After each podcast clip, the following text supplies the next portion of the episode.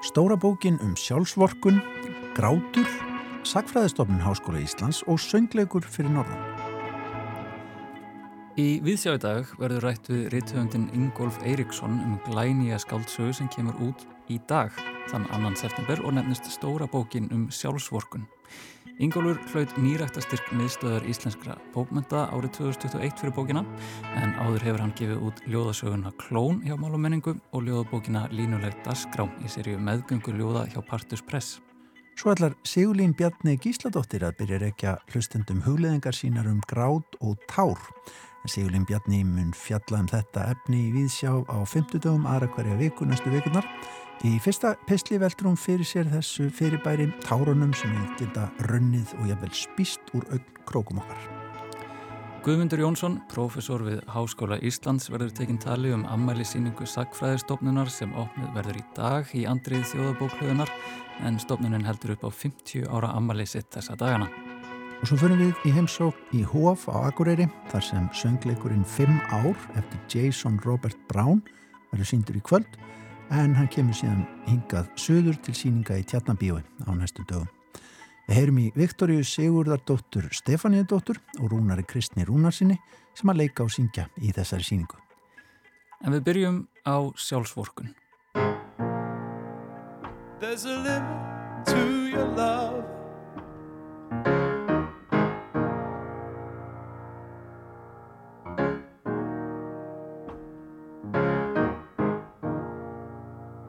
Like a waterfall in slow motion Skálsaðan stóra bókin um sjálfsvorkun eftir Ingólf Eiríksson kemur út í dag, nánartiltekið þann annan september.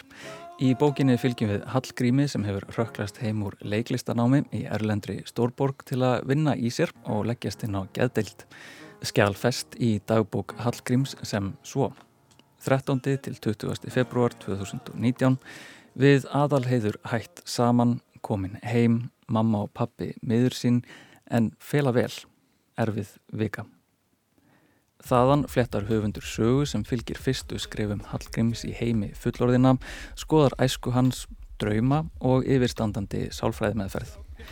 Ingólfur Eiríksson hlaut nýrækta styrk miðstöðar íslenskra bókmenta 2021 fyrir þessa bók en áður hefur hann gefið út ljóðasöguna eða eftirmyndasöguna Klón sem fjallar um hunda fyrrum fórsetahjóna þá Sám og hinn klónaða Samson. Áður hefur hann einnig sendt frá sér ljóðabókina Línuleg Dasgrá í serju meðgöngu ljóða hjá Partus Press. Ég plataði höfundin hingað upp í efstaleiti en fyrir í vikunni var hann svo hugulsamur að lána mér eintak af bókinni. Like a map with no ocean There's a limit to your love Your love, your love, your love Jæja, Já, já, já. Herra, takk hérlega fyrir lánið já, bara minnstu mál.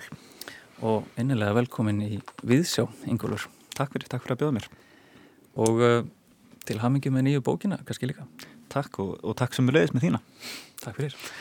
Og þessi bók, uh, stóra bókin um sjálfsvorkun, þetta er rammafrásögn. Hún uh, gerist í februar árið 2019, þar sem Hallgrímur er að hefja sálfræði meðferð. En hún gerist líka nokkru fyrir í Erlendri Stórborg þar sem að Hallgrímur og kærasta hans aðalheiður er að hefja nám við Erlenda háskóla, hann í leiklist og hún í, var það ekki bókmyndafræði? Jú, ég held, jú, bókmyndur. og um, svo hverfur bókin inn aftur í æsku Hallgríms og mér stótti svolítið forvinnilegt að um, frásögnin í Erlendu Stórborginni gerist svona eiginlega tæknilega í fortíð uh, sálfræði meðferðinar Mm -hmm. en hún er samt sögð í nútíð Jú. Og nokkað er svolítið að spyrja bara hvers vegna valdur að segja eh, þáttíðina í nútíð Já, kannski aðalega til þess að, að skapa spennu einhvern veginn af því að mér fannst þetta að vera, uh, mér fannst mikilvægt að það yrði leitt upp að svona af hverju erum við hér og frásögnin af hverju erum við hér var kannski um, einhver leiti áhugaverðari. Þannig að þannig já, ég vildi, ég vildi svona gera þá tilfinningur að þetta væri ekki bara endurlit að þetta væri eitthvað sem að lesandin gæti í raun svona sekt, sögt sér í og veri bara á, algjörlega á staðnum á meðan það er í gangi, meikar það sens? Það meikar sens. Um, og það er líka, þú gerir það svona listilega að þú svona leynir aðeins upplýsingum frá okkur af hverju hann er þarna á Íslandi í, í nútíðinni. Þannig að stígin upp að því í, í þá þáttíðinni sem er skrifið í nútíð uh, í Erlendi Stórburginni verður þar að leiðandi svona ná, nánast spennusa maður vill vita, maður vill vita og þetta er Læsturinn er mjög hvetjandi í þessari bók og uh, hefnast mjög vel en mörgum rítöfundum þykir hins vegar óþægilegt uh, að skrifa í nútíð mm. og kjósa frekar þáttíðina. Uh, hvernig, hvernig finnst þér nútíðin? Mér finnst nútíðin mjög þægileg. Ég á mjög flókið samband við tíma held ég almennt eins og kannski allir. Ég veit ekki, ég er rosa fastur í fortíðin oft. Ég get veld mér alveg linnulust upp úr, upp úr enni sko og hef sko hef verið að þetta, þetta er svona alltaf út úr en, en hérna sko eins og ég hef alltaf unnið á stöðum þar sem að fortíðin er í mjög miklum forgrunni ef það meikar sens mm. þannig að ég vinna á átnastofnun og, þjóðabóklöðinu og gljúfrasteini og þetta eru allt svona staðir sem eru svona, svona þungir af tíma þannig að kannski er þetta einhver leið til þess að sleppa frá því. Mm. og já, kannski, kannski er það líka bara það að þegar, þegar ég skrifa í þáttíð þá finnst mér eins og ég sé að ákveða hvað gerist.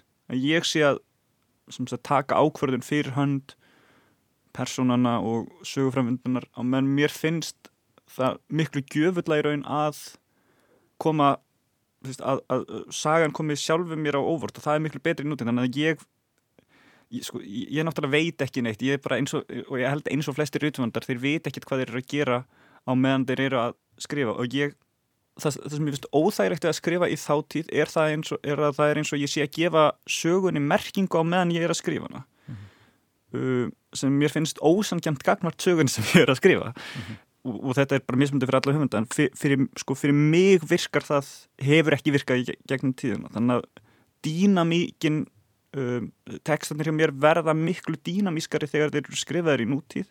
Ég veit að þetta er bara mismundi fyrir alla höfunda. En fyrir mig þá er þetta um, þá verða þeir geta orðið svona svolítið flatir ef ég er að segja frá þeim bara eins og eitthvað sem ég hef gerst og mér finnst miklu skemmtilega að þetta sé svona hvað gerist næst.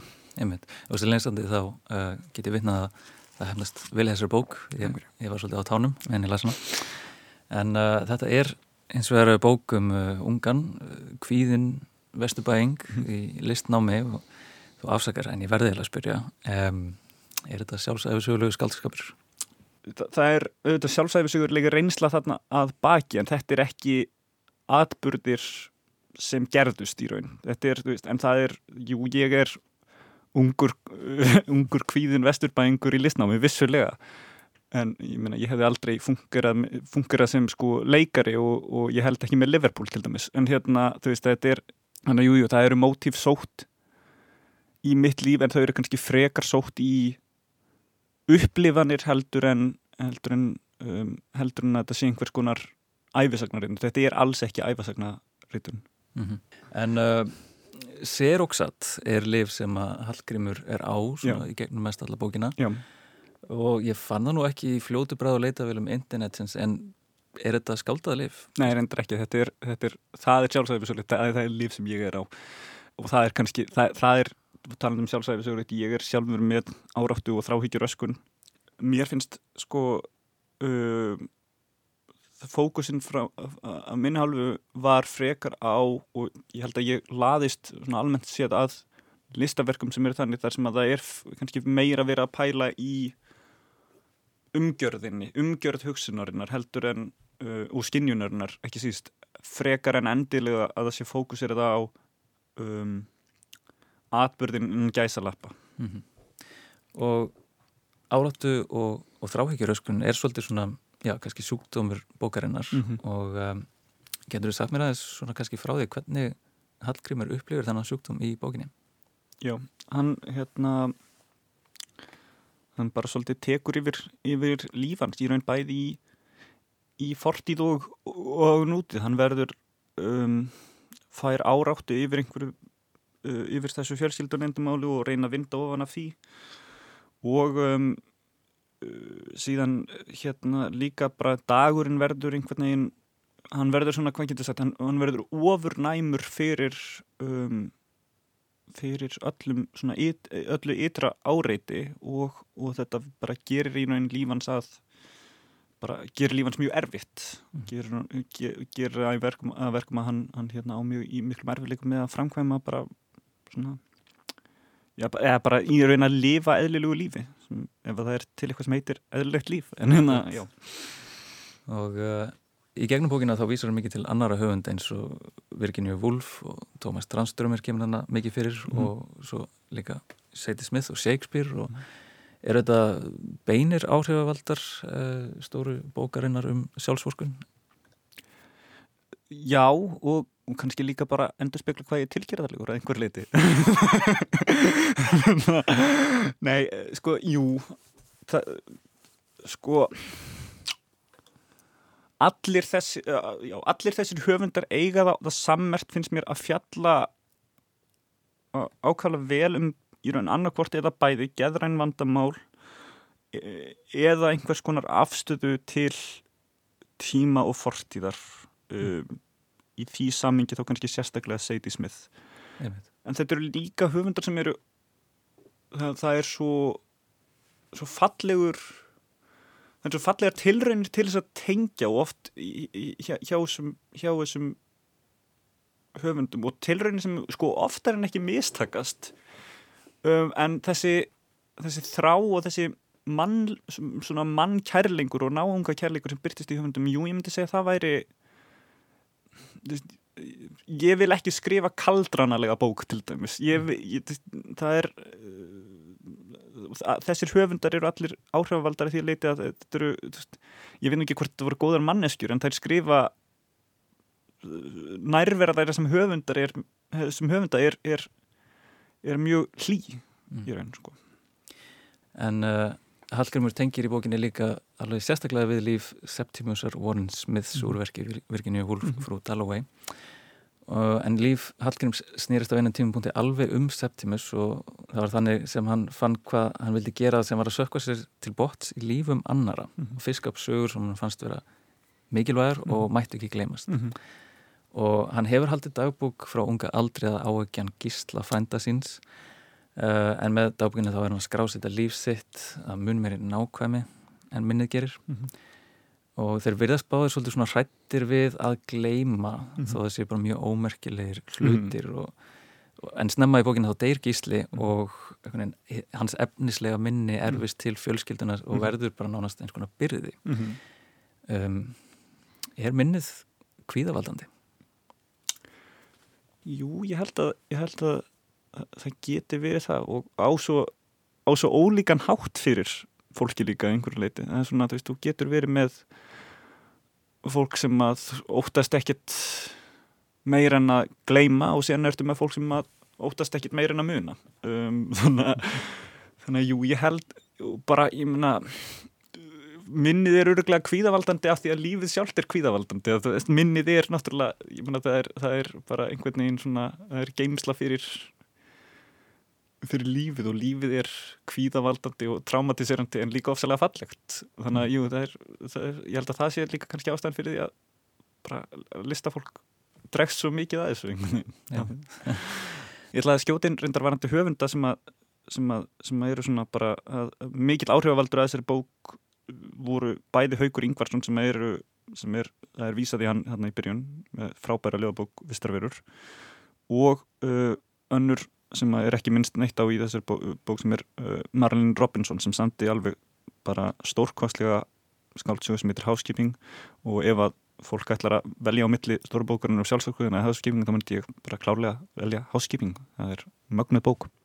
Og bókin kemur út í dag og mér skilst að þú sérst á leiðinni í útgáfhúf núna bara eftir nokkrar mínútur. Já, pappi bara byður hérna fyrir utan því ég er ekki með bílpróf þannig að hann ætlar að skuttla mér út á granda. Og já, það verður vonandi bara mikil gleði hérna bækur og, og hérna og léttar veitingar og hérna syndaflaust fyrir þá sem vilja og hérna kann- lofa síðast er kannski ekki alveg jafn svona, svona kannski sa, satt en hérna reynum að gera gott úr þessu. Akkurat, það er í bókabúð Forlagsins út á Granda, fiskislóð og uh, um að gera að drífa sér þangað ef þú ert í bílnum ágæti hlustandi útgáðuhófið hefst klukkan hálf fimm. En uh, já, útgáðuhófið er að byrja. Um, ég ætla að sleppa þér hér úr, úr stúdíónu Ingólur Eiríksson til hamingi með skaldsöguna enn og aftur og takk ég lega fyrir að koma í því sjá Takk fyrir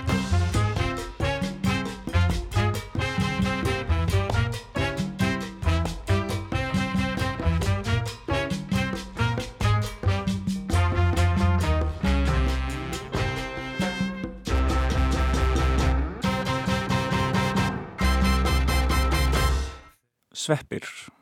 Það er eitthvað bóið við þetta. Ég tók eftir þeim í morgun á meðan ég var í sturtu. Fyrst depill var alla greinanlegur, eins og pláneta. Skrítið. Ég dreif mér í fött og klifraði upp á steifta sillu við hlið baðkarsins. Ekki pláneta heldur sveppur. Útlínutnar voru svartar og skorpnaðar en eftir því sem nær dró miðju líktist hann mest mjölkur þyndu kaffi. Áferðin myndi á síkt auga, þungt og slepjulegt. Ég vafði eldhúspappir um höndina og tegði mig eftir sveppnum. Það heyrðust skruðningar þegar hann losnaði. Endin sem hafði læst sig við loftið hjælt dauðahaldi í steipufliksu. Þar sem sveppurinn hafði verið mótaði nú fyrir grári sprungu. Ekkert alvarlegt, ekkert sem ég ætlaði að trubla aðalhiði með. Ég flegði sveppnum í klósettið, horfi á hann styrtast niður. Þegar leggst á mig leiðin og ekkert lengur gengur Ég reyna að gleyma öllu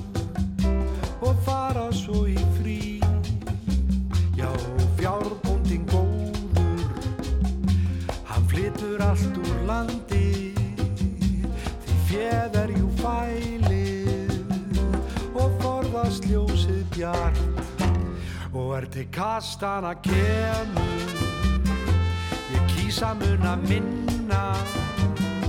Því gleimskan er glúrin og gassanit sem kýr. Ég veit ekki nei ég man ekki nei ég gerð ekki nei nei, nei, nei. Ekki neitt sem er lög Lægið Man ekki neitt af blötunni Bongo úr sniðu Tómasar R. Einarssonar sungið af bókumil Font. Þá ætlum við að huga að sagfræði, kennslu og rannsóknum í henni. Sagfræðistofnun Háskóla Íslands er 50 ára um þessa myndir. Hún var stofnun ára 1971. Núna rétt í þessu er verið að opna ammælisýningu um starfseminna í andiri þjóðabóklöðunar en það reyti ég Guðmund Jónsson, professor í sagfræði við Háskóla Íslands fyrr í dag. Það er mjög gaman að taka þátt í þessari síningu. Hérna er sögursýning sem á að sína þróun sakfræðistofnunar á þessum 50 árum sem liðin eru frá því hún var stofnuð 1971 og maður hefur sjálfur uppgötta ímislegt sem maður vissi ekki áður um stofnununa og þegar maður svona lítur tilbaka þá fær maður miklu meiri tilfinningu fyrir því hvað hefur breyst á þessum 50 árum. Og bæði eh, náttúrulega fólkið en líka bara viðfangsefnin og aðferðirnar og, og starfseminn og almennt. Þannig að þetta er, þetta er mjög hressandi og, og gefandi að, að, að staldra við, horfa tilbaka, það er nú okkar fag, sakræðingana, og velta fyrir sér hver, hver þróun hefur verið. Ger, þá gerir maður sér líka betur grein fyrir því svona, já, hvert hefur að halda áfram hérðan í frá. Sagfræði um sagfræði, það er heldur betur fag. Já, það er nefnilega til því að sagnritun er náttúrulega æfa gömul yðja manna alveg frá, frá fornöld og uh, það er til heil grein sem er bara saga sagnritunar, hvernig menn hafa skrifað sögu þjóða á samfélag og einstaklinga og ég sjálfur hefur verið að kenna þetta í allmörg ár sem sagt sögu sagnritunar erlenda og reyndar íslenska. Hvena kemur þú að sagfræðinni íslensku? Rifið á það aðeins upp. Já, ég er nú, telst nú elsti kennarinn í greininu núna af þessum förstu kennarum. Hvert er henn að kenna? Er hann að kenna, svona ég er að draga mig smátt og smátt út úr þessu. En ég kem sem sett úr námi frá Englandi 1992 og byrja er að vinna hagstofun í nokkur ár. En jáfnframt er ég í stundakenslu bæði í háskólanum og daldi í kennarháskóla Íslands. Svo 1998 fæ ég fastræðningu sem lektor í sakfræði og setna verði ég 2004 verði ég prófessor og hefur verið það síðan. Og þú hefur verið formaður þessar stopnunar og, og, eða hvað heitir þetta? Það er ekki Þetta fórseti beint. Nei, þetta heitir forstöðumadur, Já. forstöðumadur sagfræðistofnunar. Jú, ég hef verið það tvísvar, sem sagt 2024 og svo aftur núna 2018 til 2021 og ég var bara að ljúka að störfum og hann Már Jónsson er að taka um þessa myndir. Já. Það sem erum með á þessari sýningu, það er ýmislegt forvitnilegt. Það er bæði gömul skjöl auðvitað úr starfseminni og það eru auðvitað hérna, fjölbreytt útgáfa sem að stofnunin hefur komið að í gegnum tíðina. Það er mikil tíðarandi, maður sér það. Það er hérna, myndir úr starfinu. Já, við reynum að draga upp svona svipmyndir af fjölbreytninni í starfi sagfræðistofnunar. Þetta er ekki stór stofnun, en hún er fyrst og fremst kennararnir og nefendurnir Já. í greininni. Við höfum enga fasta skrifstofu en við höfum hérna e, lítið herbyggi sem heitir Guðnastof og þar er bókasafn og þar hafa nefendur og gesta, gestafræðimenn e, aðstöðu og við bara reynum að segja daldið þessa sögu hvernig stofnunin var til, við hvaða aðstæður, hvert var hlutverkennar og hér er daldið um starfsfólkið á stofnuninni, hverju það hafi verið í gegnum tíðina og uh, rannsóknir. Sko mest af rannsóknum uh, á vegum sagfræðinga í Háskóla Íslands er unnar bara af þeim sjálfum en stöku sinnum stendur sagfræðistofnun að ákveðnum stórum verkefnum og þá gætna hann í samvinnu aðra stofnanir og hér er sagt frá því. Það eru allnokkrar og mjög fjölbreytar. Svo hérna dálítið um útgáfuna, útgáfustarfsemina og miðlunina og hér, um, um, hér eru spjald og, og kassar um, um nám og kennsli í sagfræði Já. og svo hérna er rannsóknir, eru ráðstefnur og mannamót svona hluti af starfseminni eru þetta að halda málþing og ráðstefnur og fundi um rannsóknir og, og, og, og efla tengslinn við aðra rannsóknarstofninir og ekki síst í útlandum.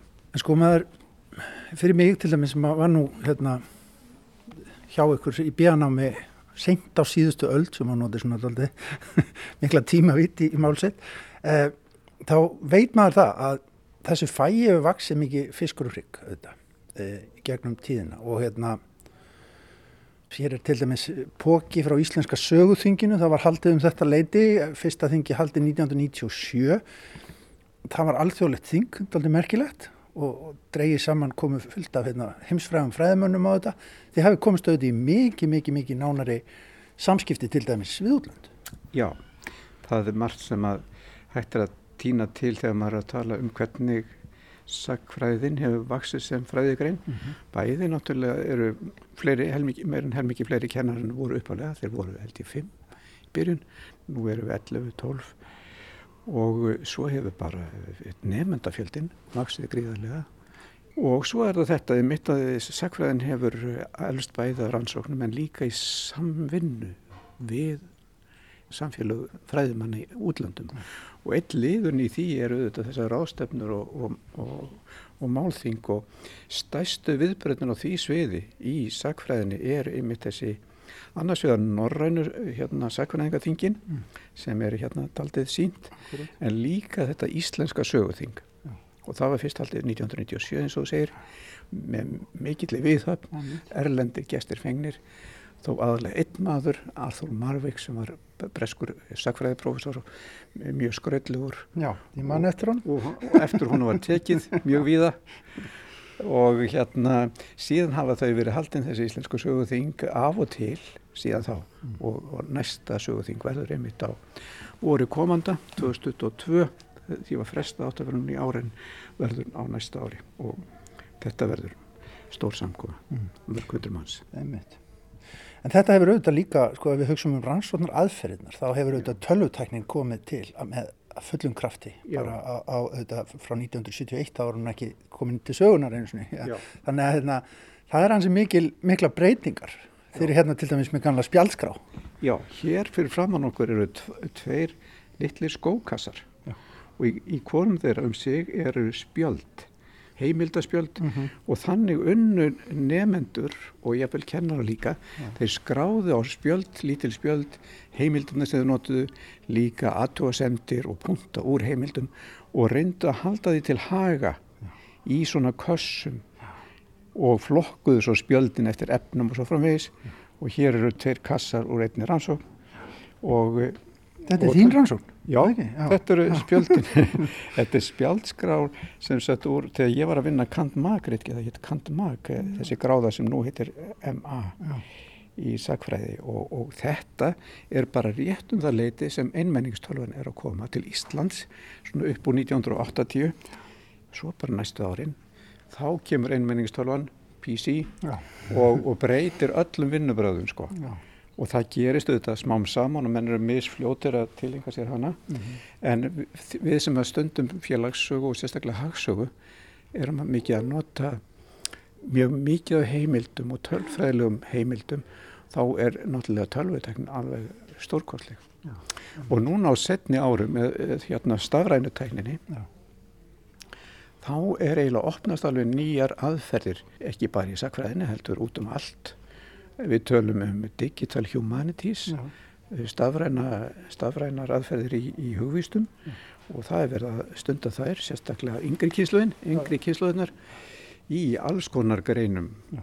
stjórnmálasögu, máluvísindum, textagreiningu og í sakfræðu þetta líka.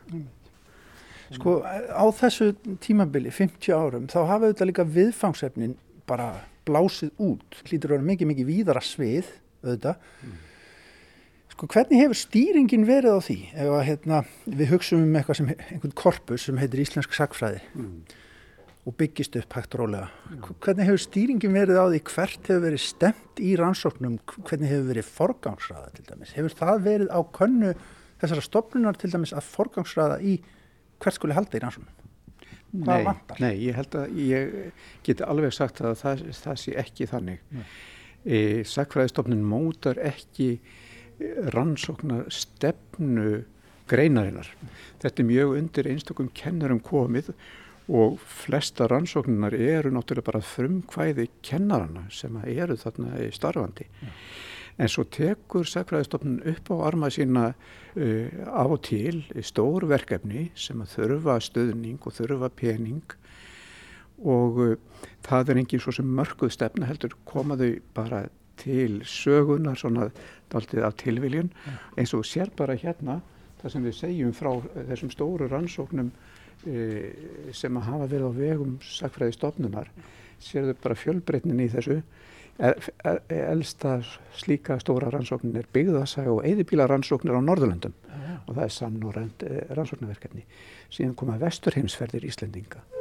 Síðan koma skaftáreldar og móðuharðindi. Það er líka samstagsverkefni. Íslensk þjóðfélagstróun 1880-1990. Reykjóldsrannsóknir sem studerar hlutverk Reykjólds og Snorra Sturluson. Saga íslenskara utanlandsvæslunar. Þú sér bara efnunum að þau kom úr ymsum áttum og það eru bara endur speiklun á áhuga og uh, fræða sviðum kennarana sem eru mjög fjölbreytt. Og þá má ég lega segja það að það sem einkennir finnst mér rannsóknar prófíl sagfræðinar í háskólanum er fjölbreytni bæði tíma og viðfangsefnum og hún það stafa meðal annars því að þessi kennara sem núna eru þeir koma úr líka svo ólíkum áttum. Þeir hafa mentast mikill meira hlutin þeirra erlendis og koma með ströym og stefnur inn í landið áhugamál og svo framvegis og, og það endur speglast þá í rannsóknum þeirra. En auðvitað eru rannsókn val á rannsóknar efnum alltaf tengdar ég var að segja samtímanum og áhuga hans á sögun og sögulegum viðfangsefnum og þessar stóru rannsóknir hér endur spekla á, áherslur og áhuga í samfélaginu á tiltekinni sagfræði það líka hefur áhrif En það er nú eftir. Það er nú eftir, já, já, já. jú, jú, jú, jú. Og hérna, ég geti ímyndað mér það að við, við og ættum að auka til með þessu veg um hverfisögu. Já. Umhverfis og náttúrusögu að skoða mannin í sínu umhverfi, stærra umhverfi, náttúrulega umhverfi, samspili milli umhverfis og, og, og mannsins og samfélagan. Og ég held að hljóti bara að vera eins og við sjáum bara í okkar samtíma umræðu um hvað munust stjórnmáli snúast mikið og gera það nú þegar í, í heiminum. Það er sem sagt umhverfismálinn sem eru þarna mjög ofalópa í. Svo dæmi sér tekið. Saði Guðmundur Jónsson, professor í Sagfræði við Háskóla Íslands um ammælisýningu Sagfræðistofnunar skólans sem að nú er komin upp í andiri þjóðabókluðu. Mikilvægt að huga nánar að rannsóknum í umhverfis Sagfræði meðal annars, saði Guðmundur. En þá er Sigurlín Bjarni Gísladóttir komin hinga með fyrstu hugleðingu sína um grát og tár en herðið upp hugan ágættur hlustendur, þetta verður allt í lagi.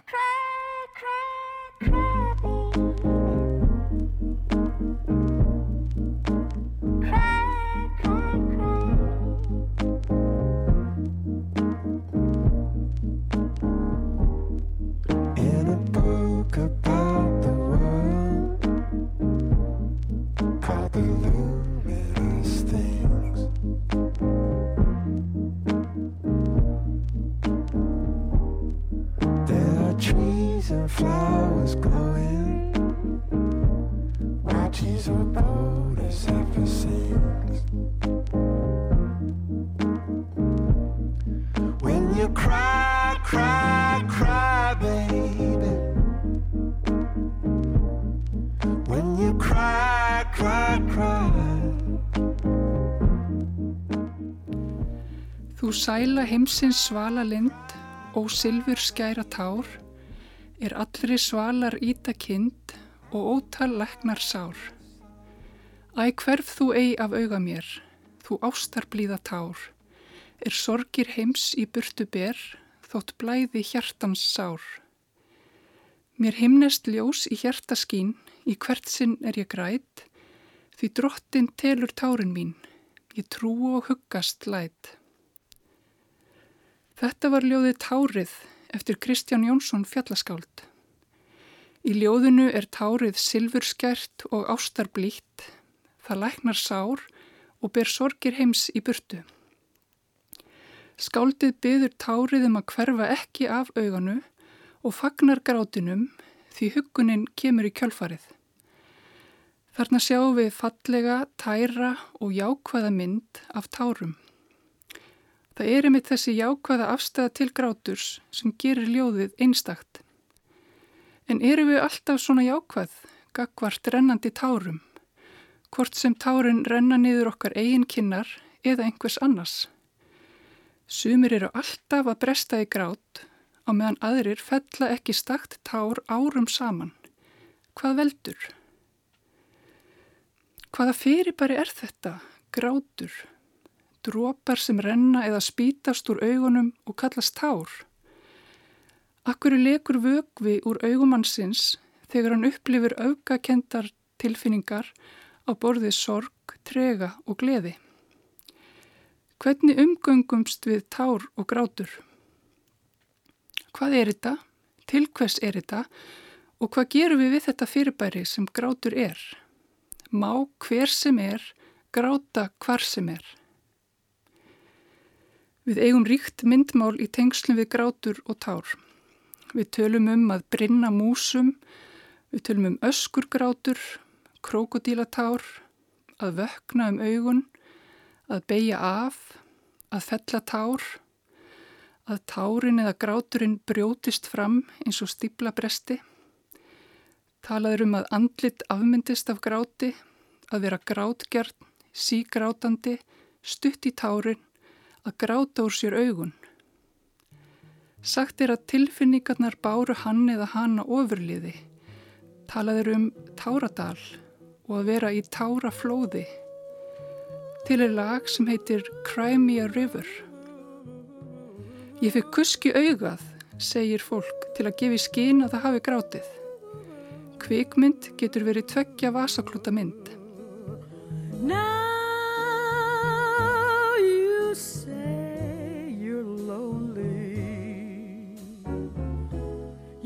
Cried the long night through. Well, you can cry me a river, cry me a river. I cried a river.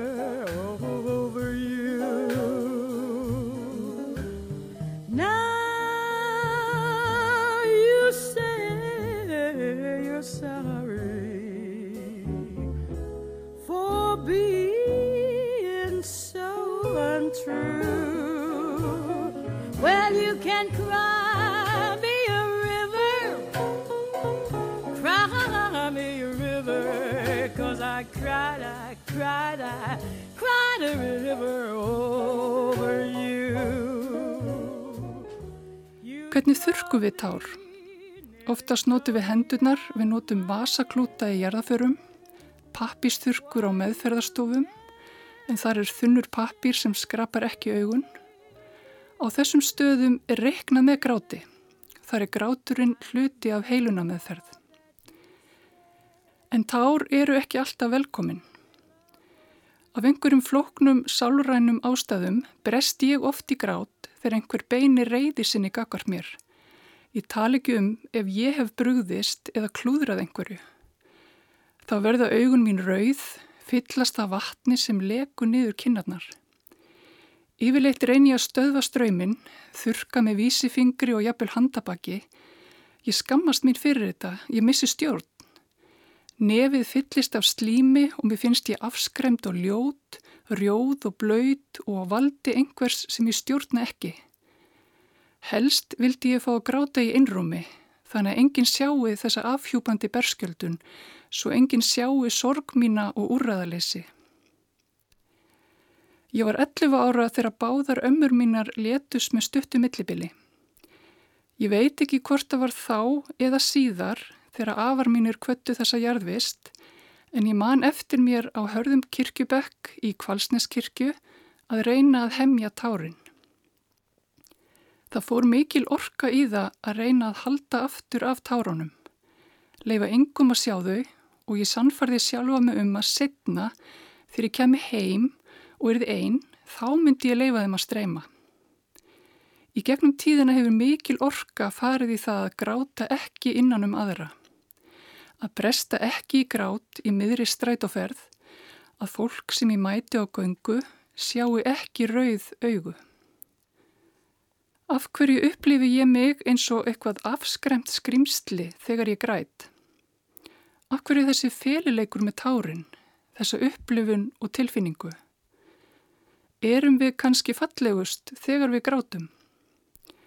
Ég veit að þegar ég fekk börnin mín í fangið í fyrsta sinn, þá var grátur þeirra það fallegasta sem ég vissi. Grátur ungbarna bjargar lífið þeirra gefur fóruldrum og öðrum í kring vísbendingar um að eitthvað þurfi að gera. Gefa mat, losa loft úr maga eða knúsa og kjassa. Við komum í þennan heim með þann eiginleika að gráta svo að þörfum okkar verði mætt. Smám saman lærum við að hemja og bæla gráturinn, fela tárin.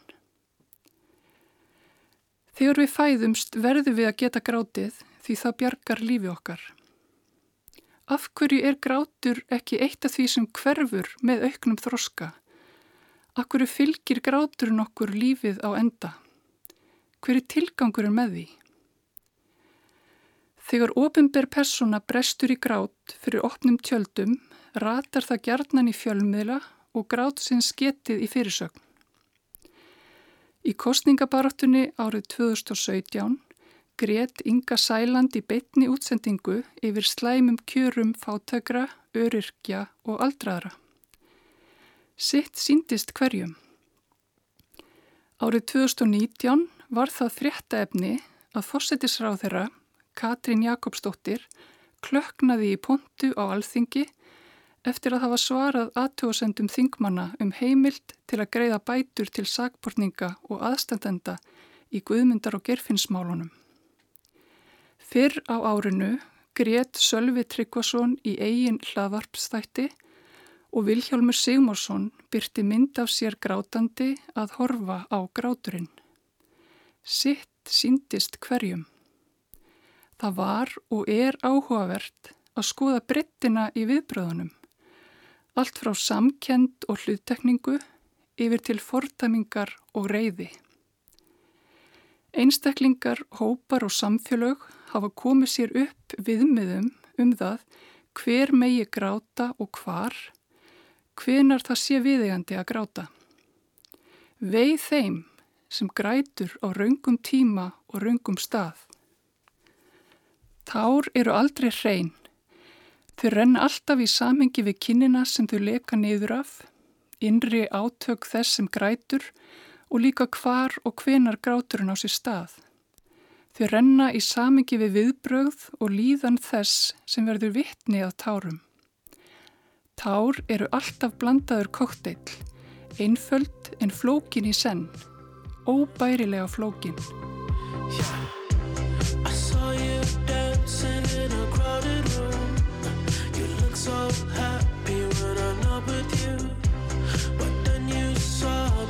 You by surprise.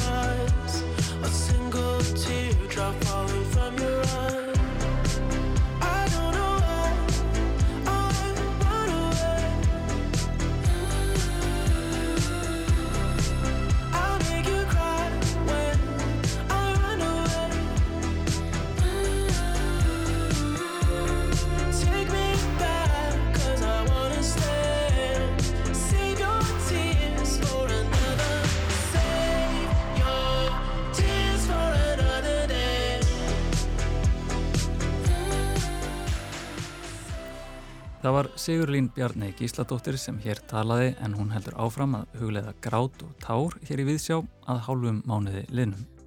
En þá heldum við norður yfir heiðar. Gíja Holmkistóttir var að sniglast í hofi fyrr í dag að kynna sér söngleik sem að verður síndur þar í kvöld. Ég er komin hingað í menningarhúsið Hof á Akureyri og hér á sviðinu er verið að æfa fyrir söngleikin 5 ár og það eru Viktoria Sigurðardóttir Stefaníudóttir og Rúnar Kristinn Rúnarsson sem að leika í þessari síningu, þessum söngleik og ég ætla að fá að trýtla þetta inn á sviðið og trubla þau örlítið.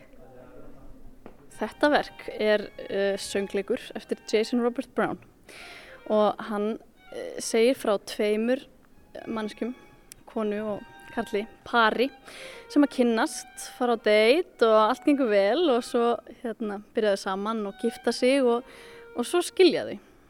En það sem er svona kannski smá sérstætt við þetta er að frásögnin hennar gerist í öfur tímaröð.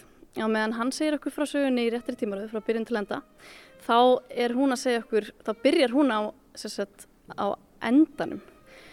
Leiksýningin byrjar þannig að við sjáum endan á sýningunni og svo förum við fimm ár aftur í tíman, það sem að hann segir okkur frá byrjuninni og svo mætast tímanlínunar aðeins einu sinni í miðjunni þegar þau gifta sig og svo fara þau bara aftur í sikkvara áttina. Þannig að þetta eru, já, mikið rómantík og svolítið átök og uh, svona ástir á milli þessara tveggja persóna. Algjörlega, þetta er alveg, þetta er bara ástasaga með öllu sem ástasögur eiga að hafa. Mikil romantík. En hvað svona rúnar enginnir þetta sem söngli? Hvernig er tónlistin og, hvað, hvað enginnir svona lagasmiðarnar? Ja, Jason Robert Brown er náttúrulega bara algjör söngleika snillingur og er í, í miklu metum hjá mör, mörgum innan söngleika heimsins sem svona alvöru söngleika nöllið veist, og, og hérna svona mikið af svona rikkjóttum tempóum og stökkum og skemmtilegum tónabreitingum sem að geri lögin svo áhugaverð og þau eru náttúrulega algjörlega samin í kringum tilfinningarnar. Frekar hann að vera í rauninni eitthvað catchy eða eitthvað þannig þannig að í rauninni öll hans verk eru mjög áhugaverð á þennan hátt og það er mjög gaman að takast á við tónlist eftir hann sérstaklega þegar maður er svona kannski búin að vera í einfaldari hlutum og svo stökka yfir í þetta. Það er mjög svona skemmtilegt að þess að kýtlar í mann sko. Og Viktoria, þetta var alveg algjör draumur fyrir þig að setja þetta verk upp. Þú kerður þetta svona í gegn. Já, einmitt, ég hérna, þetta er búið að svona kýtla í mér í, í nokkur ár sko og svo frumsyndu þetta hörpu í, nei, frumsyndu verkið í hörpu hérna í janúar fyrst og hérna erum að endurvekja það núna uh, hérna á Akureyri og í Tjarnabíói og já, bara þegar ég var í náminu úti, ég lærði þess að musical theater í London og þá kynntist ég þessu verki og bara síðan þá hef ég bara hefur mér langað að setja upp og mikið drauma hlutverk sko. Og líka bara kynna svolítið íslendinga fyrir svona þessari típa af söngleikum að við erum kannski vanari svona stóru síningunum þú veist en söngleikir eru náttúrulega bara já fjölbreyttur og bara leikverk. Já. Við höfum kannski sem já, hér í þessum sviðslista heimi mjög afmarkaða uh, svona hugmyndu hvað söngleikir eru. Já, nákvæmlega og við vildum einmitt sína að það, þeir geta líka verið bara litlir og við erum bara tvö á sviðinu og, hérna, og leikmyndin bara eins einföld og hún getur verið þannig að okkar eina vopn er bara tólkuninn sko í söngnum og, og hérna síningin er sungin alveg gegn eiginlega engin dialogur í henni, bara sungið og svo náttúrulega erum við með þessa frábæri hljóðfæraleikara með okkur sem er að tólka, þú veist, tilfinningarattinnar líka með okkur og, hérna, já. Já, við heyrum þetta hérna aðeins ómið eru að stilla saman sína strengi hérna hljómsveitin. Tölum aðeins um aðstandenduna sem eru fyrir utan ykkur. Hver þýtti til dæmis verkið og, og textana og hver eru hljómsveitinu og hver leikstýrið þessu öllu?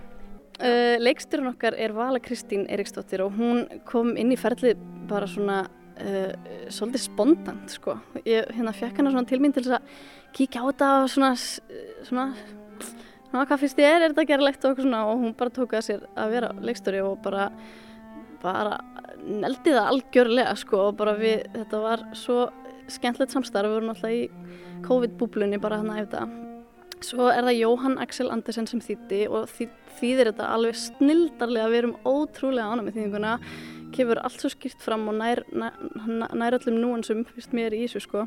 Og svo er það Klara Sigurðardóttir sem spilar á gítar og bassa. Sigurður Haldursson sem er tónlistastjórun okkar sem spilar á cello og bassa. Einar Bjartur Eilsson sem spilar á piano og Hildi Gunnar Haldursdóttir sem spilar á fylgu Já, það eru svona fagmenn í hverju hotni og þetta er nú mikið til fjölskyldu tengsl líka Jú, mikið rétt. ég hef aldrei þetta bara besta fólki með mér sko og tónlistastjórun er, er pappi minn og, og hérna Klara sýsti mín og Hilda Franka þannig að þetta er, já, já, og svo bara góðir, góðir vinni mér. Þannig, já. Já. En Rúnar, við töluðum aðan um að, að, að já, þýðingin og textin, þetta, þetta hefur auðvitað áhrif á hvernig maður syngur og, og hvernig maður getur svona, já, tólka þetta. Hvernig er að vera að, að syngja þennan texta og tólka þetta í þessum einfald, einfaldri umgjörð þessa, þetta verk og personu þína? Já. Um, Stórstu spurt. Já, þetta er náttúrulega bara í rauninni, maður þarf kannski að jarðbindast þetta alltaf mikið, það er náttúrulega svona sérstaklega kannski við sönglíkina að kannski ástæðan fyrir að karakter kannski áhelst að syngja er talað um svo kallar svona heightened reality, þú veist, að vera að upphefja veruleikan yfir á annað tilfinningaplan og hérna til dæmis er henni kannski okkar mesta áskorun er bara einmitt þessi stóru hopp á tilfinningarskalanum sem verða á milli atriða sem eru kannski að gerast þrjú-fjögur ár á milli en við þurfum að skipta á 5 sekundum og ég held að það sé svona mesta áskorunir einmitt bara þessi svakalegu tilfinningahopp sem við erum að taka bara á augnabliki. Já. Og það er ekki þessi svona stóru dansnúmer eins og einkynir oft þess að söngleiki. Þetta er meiri leiktúlkun og þetta hlýtur að vera þakklátt fyrir já, fólk sem er búið að menta sig í söngleikja leiklist eins og þið. Já, þetta er náttúrulega bara virkilega reynir á bara þá núansa sem maður er búin að reyna að sanga að sér bara, bara í allir sinni þjálfun og, og það er gaman að mitt að takast á við svona söngleikir sem eru að fara virkilega djúft í þetta þannig að það er svona, maður þarf virkilega að pæla í því sem maður er að gera og það er alltaf skemmtilegt. Þessi, uh, þetta par, hvernig myndur þú lýsa þínum karakter til dæmis Rúnar? Hvernig maður er þetta? Er, þetta er maður sem að skortir ekki sjálfströstið og hann byrjar svona, já, frekar saklus og, og hérna ungur en svo er rauninni hérna þetta skot upp á stjörnuhiminin sem verður á tiltölu á stuttum tíma það hérna setur mikið álag á þeirra samband og rauninni bara á hans eigin person og við sjáum hann breytast svona frekar snögglega og, og hérna yfir já svona í gegnum verkið Já, hvernig er karakterinu þinn Viktoria? Einmitt, hún er leikona sem er að reyna fyrir sér í hérna leiklistaheiminum og hérna hún hún, já, það gengur ekki jafn vel og hjá kærastanum hennar og það tekur alveg sinn toll á þau og sambandi og hún verður svolítið undir og, og líður eins og hún sé bara ykkur auka hlutur í, í þeirra veruleika sko og sem að kannski verður verður þeim að falli á endanum en hún er, hún er ótrúlega samt meinar vel og, og en þú veist, einhvern veginn meikar þetta ekki á endanum sko mm -hmm. uh, Laugin í söngleiknum það er verið að hljóðrita þau þannig að þau verða aðgengilega þegar að já, þið stíðið að sviðinu, þetta verður svona lifir áfram í lögunum. Eru, eru þið búin að taka upp öll lögin og, og gera þau aðgengilega eða? Við, erum, við hérna, tókum upp plötuna í sumar og það eru tvö lög komin út á Spotify og þau eru svona bara tínast inn og hérna, við ætlum að gefa út bara plötuna í heilsinni í næsta mánuði. Spennandi. Ég ætla ekki að tröfla ykkur lengur hérna á sviðinu, þið ætlaði að fara að æfa. Það sín ekki kvöld, gangi ykkur vel og gangi ykkur vel líka þegar þið farið söður í Tjarnarbíó. Takk hella fyrir það. Takk. Takk fyrir mig, takk hérlega.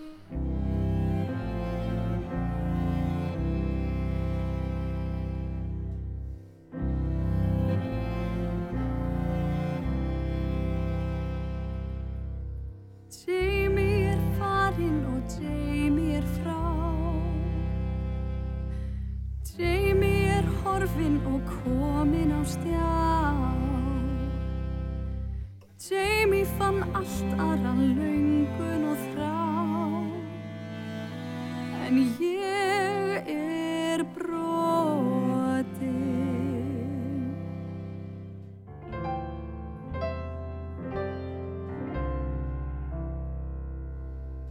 Jamie er vissum að þörfin sé brýn. Jamie er vissum að sökin sé mín Jamie finnst vafalust tilveran fín. En ég er